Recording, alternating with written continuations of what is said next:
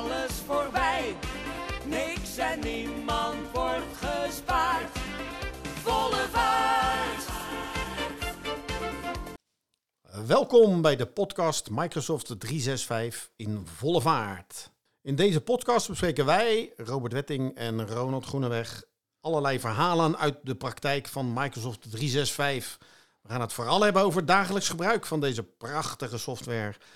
Over hoe je als organisatie grip houdt op je informatie en hoe je als mens overzicht houdt op je werk. Als deze podcast je aanspreekt, abonneer je dan, zodat je geïnformeerd wordt wanneer er een nieuwe aflevering online staat. Nou, vandaag eh, gaan we even eh, eh, in op iets wat Robert heeft gelezen rond de aanstaande verkiezingen. Ik ben benieuwd. Ja, nee, we, we moeten eens even ergens over, over hebben, Ronald. Ik, ik zat een beetje zo eh, de laatste tijd door het nieuws heen en ik kom op een bepaald moment kom ik daar eh, een, eh, een stuk tegen eh, eh, over eh, eigenlijk het pamflet van Pieter Omtzigt, hè, die eh, eh, nieuw sociaal contract als partij is begonnen. En daar staat een, eh, een eh, stuk in waarin die zegt van eh, punt 10 van dat manifest van Omtzigt. eh, archieven moeten op orde komen. Geen archief betekent geen geheugen en dat betekent rechteloos en willekeur voor de burger.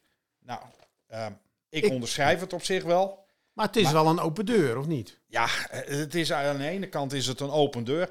En vervolgens, eh, het zal een paar dagen later zijn geweest, zie ik in de Leeuwarden Courant zie ik een stuk staan. En daar staat de provinciale archivaris in, over bijzondere banen eh, gesproken. En we zien we, die man die zit daar met een groot eh, boek eh, en zegt van ja, wij hebben de geschiedenis van 200 jaar. En, en in dat stuk spreekt die man, die spreekt alleen maar over eh, de papieren eh, dossiers, het verleden. En dan denk ik, we zitten met één grote digitale massa, één grote brei. En we hebben trends, en daar gaan we het zo meteen, gaan we het daar wel in de aflevering Mhm. wat verder over eh, hebben. Waarvan ik denk, ja, luister eens joh. eh, als je nou iets wilt met het eh, archief op orde, dan moet je met hele andere dingen bezig zijn. en, en vandaar dat ik gewoon niet geloof dat zo'n zo'n actiepunt als in dat pamflet van omzicht staat, dat gaat in de praktijk gaat dat gewoon bijna niet te realiseren zijn. En dat Aha. heeft niet zozeer te maken met dat het, het punt van omzicht niet goed is, maar de mensen die er in de dagelijkse praktijk aan werken, dat het met houding en gedrag zoals dat nu plaatsvindt, gaat dit punt gewoon niet realistisch zijn. Nee, maar dan denk ik, zou het juist niet helpen dat hij het noemt als punt 10. Hè? Hij heeft, eh, ik weet niet hoeveel punten die heeft, maar Tien. punt 10. nou, dan sta je hier wel nog in de, in de top 10. En ik denk dat als je eh, de andere verkiezingsprogramma's bekijkt, dat je dat eh, overheidsarchieven, dat woord alleen al niet eens terugvindt. En misschien her en der in verborgen paragrafen. Iets over informatie. Ik weet niet of, je, Ah, of je alle ja. programma's doorgenomen hebt. Ah, Ja, uiteraard, uiteraard. heel goed. nou, Welke wil je horen? nee, eh, ik deel je mening. Ik denk ook inderdaad dat dat eh, in het gros van de partijprogramma's eh, archivering, informatievoorziening eh, niet, dan wel maar zeer beperkt zal, eh, zal voorkomen. Ja. Dus, Maar, Maar- toch, toch merk je dat, eh, hè, dat zeggen wij vaak in, het, in, in ons vakgebied, hè, we hebben vaak mee te maken dat de mensen zeggen, ja, ik, eh, het belangrijkste is dat ik eh, het werk waarvoor ik aangenomen ben, dat ik dat op een goede manier doe. Dat ik goede diensten verleen aan de burger, dat ik goede beleidsstukken schrijf, dat ik een goede handhaving doe van de dijken, ik noem maar wat. Dat zijn natuurlijk allemaal belangrijke dingen die de overheid doet. Ja, en dan snap ik ook nog wel dat het handig is, handig is als ik informatie eh, die van belang kan zijn voor mijn collega's om ja, om, te, om te hebben dat ik die ook op een plek opsla waar ze die kunnen vinden. Dat doe ik ook meestal wel. Maar mijn hoofdtaak blijft toch dat ik mijn werk goed uitvoer. En dit is maar een soort eh, iets wat bij elk werk wel een beetje erbij komt, informatie. Ja, nou ja, daar sla je de spijker op zijn kop. Het gros van de ambtenaren die zegt van oké, weet je, die dossiervorming, als ik eh, de procesinformatie heb die ik nodig heb van eh, wat heeft er recentelijk gespeeld eh, in dit eh, dossier, of dat nou een klantdossier of een beleidsdossier is, maakt, eh, maakt even verder niet uit. Als ik die informatie heb, dan vind ik het prima. En verder, daarachter, is die medewerker helemaal niet bezig. Maar wat je daarin ook nog eens een keer nu ziet, is in ieder geval, ik zie dat wel, een, een trend dat de organisatie zelf, hè, die worden zich steeds bewuster van het onnodig lang bewaren van informatie, dat het hun kan schaden. Hè, in het verleden eh, zag ik heel vaak van, ah, oké, nou, we hebben een netwerkschijf en er staat allerlei eh, informatie eh, op, documenten, of dat het nou een mailserver was. Nou, ik heb het recentelijk ook weer bij een van de klanten meegemaakt. Die hebben gewoon door de jaren heen, hebben ze alleen maar mailservers erbij gezet, dat- zodat het een onnoemelijk grote hoeveelheid werd. En nu zie je met de komst van de WO, hè, de opvolger van de wet openbaarheid bestuur, eh, dat er gezegd wordt, joh, eh, misschien moeten we informatie eens goed op gaan letten, dat we het niet langer bewaren als nodig is. Dan krijgen we namelijk ook niet eh, zaken zoals het bonnetje van Teven, wat toch nog ergens uit een backup gevist kon, kon worden. Dus dus daar zit los van het, het, het belang van goede informatievoorziening, zit er dus ook een belang bij die overheden, als we kijken naar een stukje aansprakelijkheid. Ze zeggen, we willen die informatie helemaal niet meer onnodig lang eh, bewaren. Nee, maar wat doen ze vervolgens als het gaat om e-mail? Hè? E-mail is eh, wel het bekendste voorbeeld van het feit, nou eigenlijk moet je alle e-mail die je ontvangt of verstuurt die ergens bij hoort, bij een zaak of bij een proces, moet je op de goede plek opslaan, zodat je collega's er ook over kunnen beschikken. Nou, zo langzamerhand merk je dat, ik zou bijna zeggen, de wetgever al eh, snapt dat mensen dat niet gaan doen. Die gaan niet zeggen, oh ja, ik heb hier nog 20.000 ma- mails in mijn mailbox slaan. Die ga ik tussen kerst en oud nieuw even in het zaaksysteem registreren. Dat doet niemand. Dus vervolgens zie je dat men dan zegt, nou ja, dan doen we maar een andere methodiek. Dat komt dan uit Amerika. Dat heet dan de capstone-methodiek. Want we gaan even kijken wat jij als medewerker van deze organisatie voor positie hebt in de organisatie. En op basis daarvan bewaren we of jouw mail voor eeuwig, of we zeggen, nou, alle mail wordt gewoon na zeven jaar weggedonderd van jou. Ja. Dan krijg je dus ook dat eh, het bonnetje dat de teven, of misschien was het wel peper hoor, volgens mij, dat was ook een bekend voorbeeld. Dat dat, eh, als je dat in je mailbox hebt zitten en je bent Fred Teven, dat dat dus gewoon eeuwig bewaard wordt, want jij zit erg hoog in de boom. Ja. Dus dat schiet dan toch ook niet op? Nee, dat, eh, da- inderdaad. In dat geval zou het, zou het wel gewoon permanent bewaard worden. Ik denk dat dat inderdaad wel een, Nou, verandering tenzij, is. tenzij had gezegd, het is persoonlijk mailtje, dan mag hij het nog weggooien. Dat zit er dan ook nog in. Dus uiteindelijk komt het toch weer op neer, en dat is de belangrijkste les voor mij uit alles wat we hier zeggen, dat de individuele medewerker uiteindelijk zelf de keuzes maakt. En dus eh, niet alleen eh, digitaal vaardig moet zijn om zijn keuzes uit te voeren, maar ook zijn, bij zijn keuzes ook informatie, het belang van informatie mee moet wegen. En Ja. dat moet afwegen tegen het belang, deze informatie moet ik eigenlijk wel bewaren, maar het is eigenlijk een beetje schadelijk voor mezelf. Ja, dan wordt het een interessante keuze natuurlijk. Ja, nou ja, goed. ehm, ehm, eh, dat, dat is de ene kant eh, eh, wat, eh, wat speelt. Ehm, ik draai ondertussen wat, wat jaartjes mee. En als ik dan kijk, hè, begin jaren 90, halve jaren eh 90, eh, e-mail, eh, de aanwas die werd steeds eh, groter. Nou, we weten allemaal wat er door de jaren heen gebeurd is qua omvang met de e-mail. Is bepaald niet minder geworden. Maar ik zie dat div, archivarissen, ze hebben nooit een goed antwoord eh, gehad op hoe gaan we nu om met die mail. Het volgende wat we gaan tegenkomen is hoe gaan we om met de chat. Hè, op het moment dat jij als organisatie die spullen op orde wilt hebben en je gaat richting, eh, richting div, de archiefafdeling, en zegt kunnen jullie mij daarin ondersteunen? Dan krijgen we weer dat we gaan terugvallen op zaaksystemen. eh, Ja, hè, ik dus denk- dus maar je hebt die mensen wel nodig om die informatievoorziening, die archieven, zoals Omtzigt het zegt, hè, eh, om die goed op orde te brengen. Nou, ik, ik geef het je te doen als we kijken naar de hoeveelheden e-mail die op dit ogenblik nog op servers eh, staan. Ja, maar Robert, even tussendoor. Hè. Mag ik dan even eh, kritisch zijn op je opmerking? Eh, jij zegt ze hebben geen goed antwoord gegeven. Nou, ik denk dat die DIV-medewerkers gewoon het goede antwoord geven. Nou, als jij een e-mailtje hebt en je denkt, moet ik daarmee? Dan moet je eerst even kijken, waar hoort het bij? En als het hoort bij een bepaalde vergunning aanvragen of zo, dan moet je het dus in het vergunningssysteem zetten, die informatie. Is, is dat een verkeerd antwoord? Nou, niet zozeer. Ik bedoel, als dat om één specifieke mail gaat. Maar we weten ook allemaal dat die ambtenaar, dat hij op een bepaald moment, dat hij aan tig eh, dossiers eh, werkt. Ja. En, eh, en op het moment dat wij kijken naar processen waar gewoon grote hoeveelheden aan, aan mails heen en weer gaan, of grote bestanden, ja, dan, dan, dan zie je gewoon in de- met name de houding op de werkvloer, hè, dan, dan komt die discipline om die spullen er netjes in te zetten. Dat is en het blijft een gebed zonder einde Ja. om dat op orde te krijgen. En dat zal het ook wel blijven hoor. Vandaar die capture methodiek denk ik. Dat is grote stappen snel thuis. Ja, Maar je nee, hebt in ieder geval iets geregeld. Ja, nou ja, goed. Capstone kan daar, kan daar denk ik absoluut aan, eh, aan bijdragen eh, op twee punten. De ene, denk ik, eh, het gros van de medewerkers is, eh, heeft geen sleutelrol. Dus je kunt... op- Sleutelrol betekent? een sleutelrol, eh, daar ligt de scheidingslijn. Als je volgens de capstone-methodiek een sleutelrol hebt, en een sleutelrol kan een bepaal, de, de hogere managementlagen, eh de Chief Information Mhm. Security Officer, dat soort personen, die hebben een sleutelrol in de organisatie. Die mailboxen die zullen blijvend bewaard worden. En als je geen sleutelrol hebt in de organisatie, nou, dan wordt jouw mailbox eh, na zeven jaar nadat je de organisatie verlaten eh, hebt, zal dat allemaal eh, vernietigd worden. Het zorgt er in ieder geval voor dat op dat punt dat er een stukje grip wordt verkregen. Maar In ieder geval wat weggegooid wordt ook. ja, dat er inderdaad ook En of wat bewaard blijft, ja. wordt.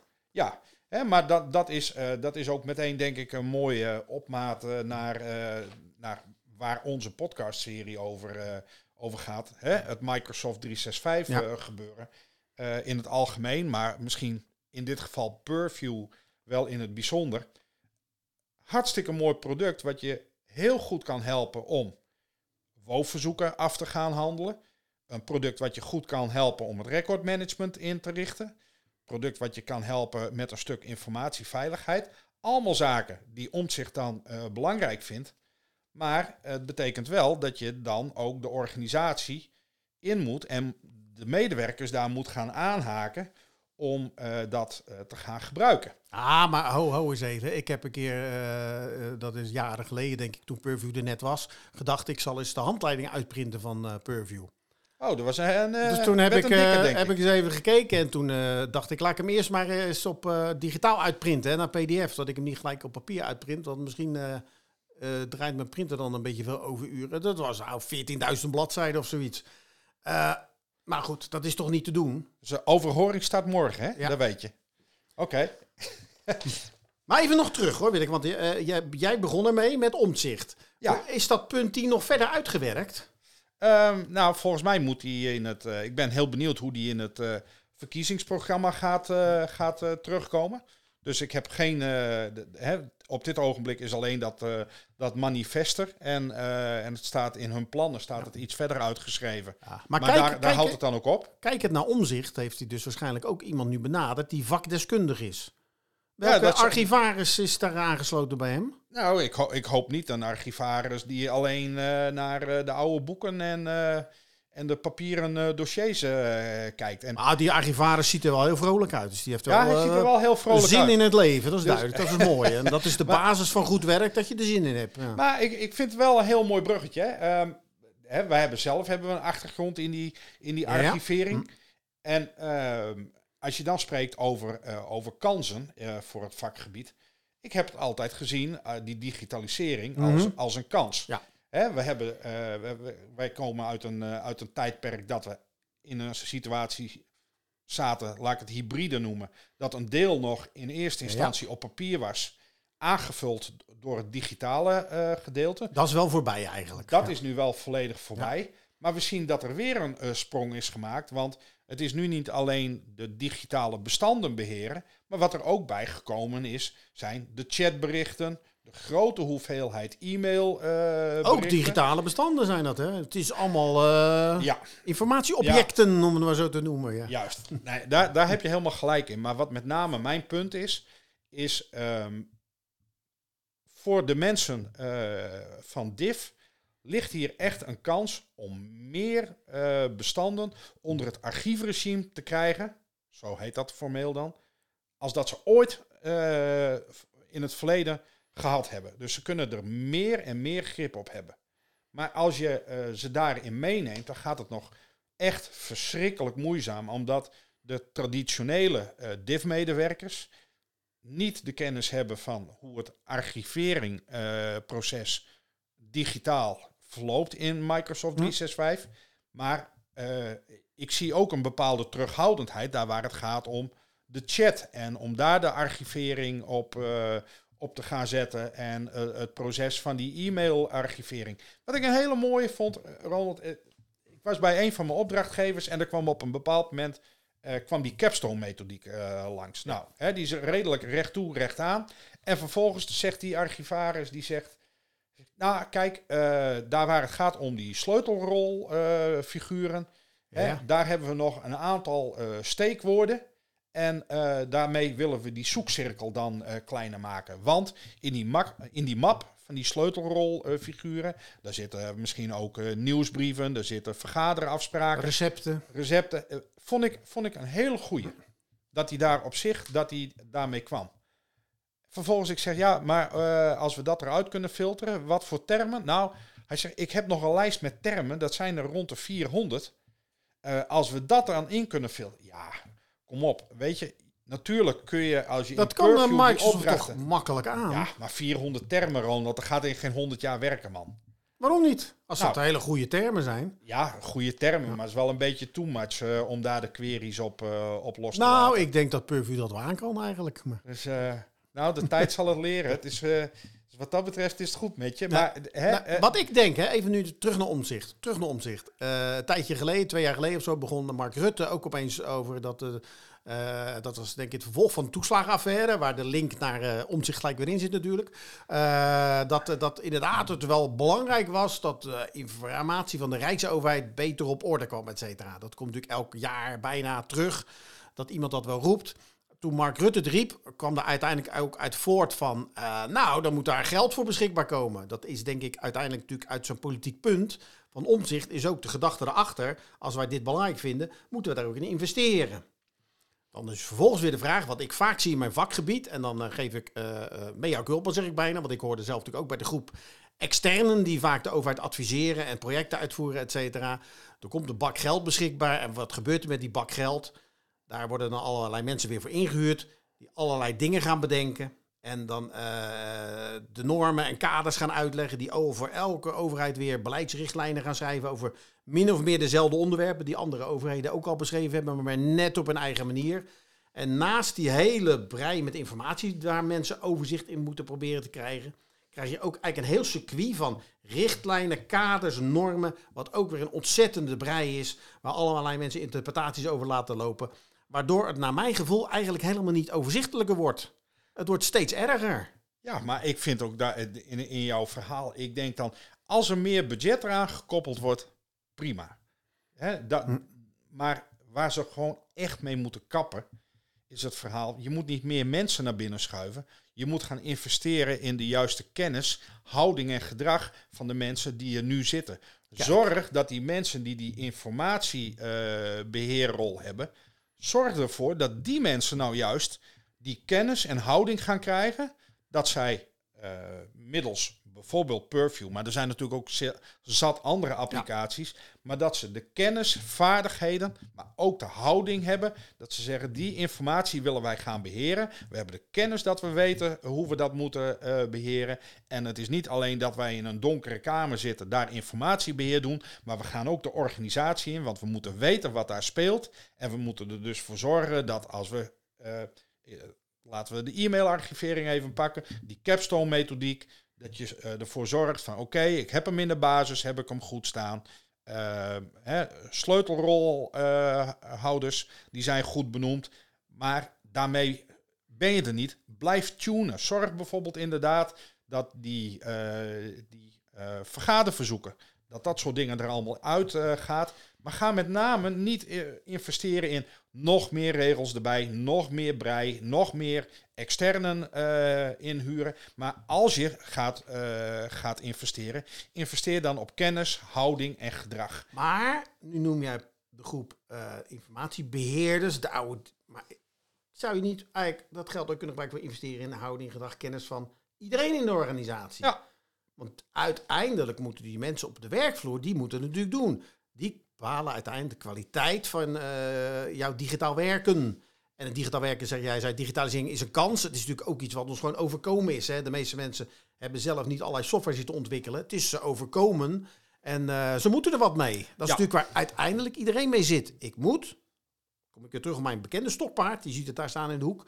Je moet zorgen dat iedereen overzicht houdt op zijn werk. Want wie geen overzicht heeft op zijn werk, houdt het eventjes vol, maar die raakt helemaal, wordt gek van de stress uiteindelijk. Ja, ik vind wel dat je daar een punt hebt. Eh, het is wel inderdaad belangrijk dat er ook gewoon bij de medewerkers op de werkvloer wordt geïnvesteerd in kennis, eh, maar ook in de houding van dat het belangrijk is dat die documenten wel goed vastgelegd worden. Dat ze weten wat die capstone-methodiek inhoudt. eh, dat ze weten wat het belang is waarom ze hun documenten goed moeten vastleggen. eh, metadatering. Het Ik heb, daar nog, ik heb daar nog een leuke anekdote over die ik eh, van, de week hoorde. Over de, eh, ik zit bij een organisatie waar ze die capstone-methodiek hebben gedaan. Eh, het is of eeuwig bewaren of zeven jaar. Maar je kan dus ook zelf kiezen, als jij zeven, in de zeven jaar groep zit, om te zeggen, nou die mail vind ik heel belangrijk, die zet ik op eeuwig bewaren. Dus je hebt daar mensen die hebben gewoon uiteindelijk in hun mailbox zitten ze gewoon zelfstandig soms alle mails om te zetten naar eeuwig bewaren. Niet omdat ze denken dat zij zo belangrijk zijn of dat ze over 200 jaar nog hun mails eh, interessant zijn. Maar zeggen ze, omdat ik niet wil dat voordat ik vertrokken ben hier, dat die mail al eh, weggegooid is. Dus ik wil altijd, als ik hier 30 jaar werk, 30 jaar terug kunnen kijken in mijn mail. Waarom? Dat vind ik handig. Nou, maar goed. Dat is wel eh, inderdaad een, wel een interessante. Ehm, En die zie je vaak, hè? Want we, we hebben het natuurlijk net over wat we allebei belangrijk vinden. Investeer uiteindelijk ook gewoon in dat mensen zelf op de werkvloer snappen hoe het al in elkaar steekt. Maar hoeveel uur per week werken die mensen? 32, 36 uur is dat meestal, zoiets. En wat moeten zij doen in die 36 uur? Soms hebben ze het gevoel, werk voor twee. Dus eigenlijk zou dit wel, werk ik eigenlijk 72 uur, maar dat doe ik in 36 uur. En dan moet ik zeker ook nog allerlei cursusjes gaan doen. Hoe ik met de chat omga en eh, hoe ik bestandjes noem, et cetera. Nou, dat past even niet in mijn werkweek.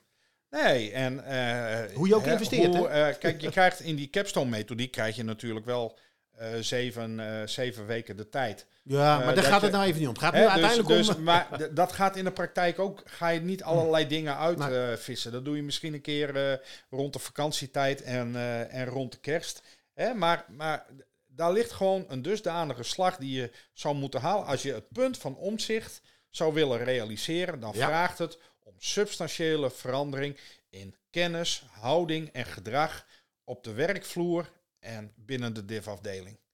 Dat- ja, dat maar is, soms, ze zullen ook zeggen, dat vraagt ook om substantieel wat meer mensen, omdat we dan het werk beter kunnen verdelen. En dan kunnen we wel eens meer tijd gaan besteden aan die informatie. Eh, voorziening, die wij ook best belangrijk vinden, maar ja, niet zo belangrijk als ons primaire Ja, maar als je, naar die div, als je naar die div-organisatie kijkt, Ronald, volgens mij zijn genoeg div-organisaties erop toegerust dat ze die selectie best wel eh, kunnen toepassen. Maar je moet op een bepaald moment, moet je dan wel ook het vertrouwen hebben en gewoon zeggen van, oké, weet je, we gaan nu gewoon die capstone-methodiek gaan we omarmen. En eh, we gaan ervoor zorgen dat die, eh, dat die mail, dat die gewoon op die manier opgeslagen Maar het gaat hier niet om de capsule-methodiek per se. nee, hè, die nee, als voorbeeld genoemd. niet, het dat- gaat om de, dat punt 10 van omzicht. Eh, dat op zich terecht is. We vragen aandacht voor overheidsarchieven en we willen dat dat op orde komt. Eh, dat is niet anders dan wat er natuurlijk de afgelopen 20, 30 jaar overal geroepen wordt. En dat er nu een eenpartijprogramma wordt, bet- komt, betekent misschien dat het daar vanwege. Dit komt natuurlijk uiteindelijk, denk ik, voort uit dingen als- zoals de eh, toeslagenaffaire. Ja, Maar de denk ik informatie ook. ook. Ja, dit moet beter. We moeten uiteindelijk goede besluitvorming kunnen nemen. En goede besluitvorming kunnen wij als Tweede Kamer, want hij denkt natuurlijk ergens Tweede Kamerlid, alleen nemen als wij volledige en eerlijke informatie hebben. ja. Nou, eh, En dan zit vra- vervolgvraag van, betekent dus bij ons zich nou, daar moeten we kennelijk in investeren. Eh, en dan is mijn vraag hoe ga je daarin investeren? Als je alleen maar zegt, we hebben een pot geld beschikbaar voor elk ministerie, voor elke gemeente om dat soort dingen te doen. Zoals er nu bijvoorbeeld voor de invoering van de wet open overheid allerlei subsidies beschikbaar zijn voor de lagere overheden. Waar leidt dat toe is de vraag. Leidt dat toe dat je weer zo'n eh, vaak normale reactie krijgt van nou, dan moeten we toch weer iemand hebben die een visie gaat ontwikkelen en die gaat eh, bedenken hoe we die visie dan vertalen naar kaders en normen. En dan heb je een heel set aan kaders en normen en visie. En dan is het geld op en dan ligt dat allemaal daar op de plank. En hoe komt het bij de gewone medewerker Ja, terecht? nee, maar goed, we kennen allemaal de verhalen van Ja. eh, eh, te vroeg vernietigde dossiers, dossiers die niet boven water komen omdat ze spoorloos zijn. Of nooit tussen bestaan hebben. Of, Ja. of misschien nooit, eh, nooit bestaan eh, hebben. Hè? eh, en voordat je gaat roepen, ik stel hier de vragen, maar hoe, Oh. hoe zou jij het dan oplossen? Waar, waar, jij hebt die zak met geld, waar zou jij het dan in investeren? Ik denk dat de investering uiteindelijk inderdaad moet... Het is een, het is een cirkel. Heel lastig hoor. Dus daarom denk ik ook, dit is een punt goed dat het aandacht krijgt. Maar de, de investering moet uiteindelijk gaan, denk ik, naar gewoon digitale vaardigheden in de organisatie en informatiebewustzijn. En dat vind, daar vind ik niet dat DIF daar bovenop zit. Dat vind ik echt iets voor gewone medewerkers. Daar moet je zeggen, daar moeten wij gewoon eh, die opleidingsprogramma's voor hebben. En we moeten gewoon simpele, makkelijke cursussen aanbieden die niet veel tijd kosten. En die gewoon heel eh, duidelijk zeggen, dit en dit moet je doen en dit en dit niet. En dat is moeilijk, om dat goed voor elkaar te krijgen. En dan zit je altijd met het punt van, moet je dat verplicht stellen of niet? Ja, je moet het wel verplicht stellen. Want jij bent eh, een, eh zou maar zeggen, een kantoorarbeider. Dus bijvoorbeeld, jij bent een soort timmerman, maar dan binnen de overheid. En als timmerman moet jij gewoon de middelen die je moet gebruiken, die hamers moet je goed kunnen gebruiken. Want jij zit nu met jouw vinger die spijker in de muur te douwen. En dat Ja. duurt ontzettend lang. Dat gaat nooit helemaal goed. Die spijker flikkert het de hele tijd eraf. En als je gewoon die hamer een keer had leren gebruiken, was je van een heleboel gezeur af. Ja. Ja, nou goed, eh, het schiet me inderdaad een punt te binnen. En ik hoor het in theorieën, hoor ik dat wel. Eh, En in de praktijk kom ik het in ieder geval niet tegen. Hè? Maar eh, wat we allebei volgens mij wel een Mhm. beetje vinden, is dat als je het punt van omzicht wilt realiseren, dan vraagt dat om een verandering in kennis, houding en gedrag. Volgens mij zijn we wel, daar ja, redelijk over eens. Ehm, Ik noem dat dan als- digitale vaardigheden en informatiebewustzijn liever. Ja. maar ja. Nou, dat, pu- dat punt. Ik heb wel eens mensen gehoord die zeggen: ja, maar dat zou eigenlijk een vast punt moeten zijn in. Ja, ik gebruik de term functioneringsgesprek maar even. Waarin gewoon ieder jaar besproken wordt tussen werknemer, medewerker en leidinggevende. Van luister eens, joh, eh, hè, wat is er gebeurd? Waar liggen je ambities?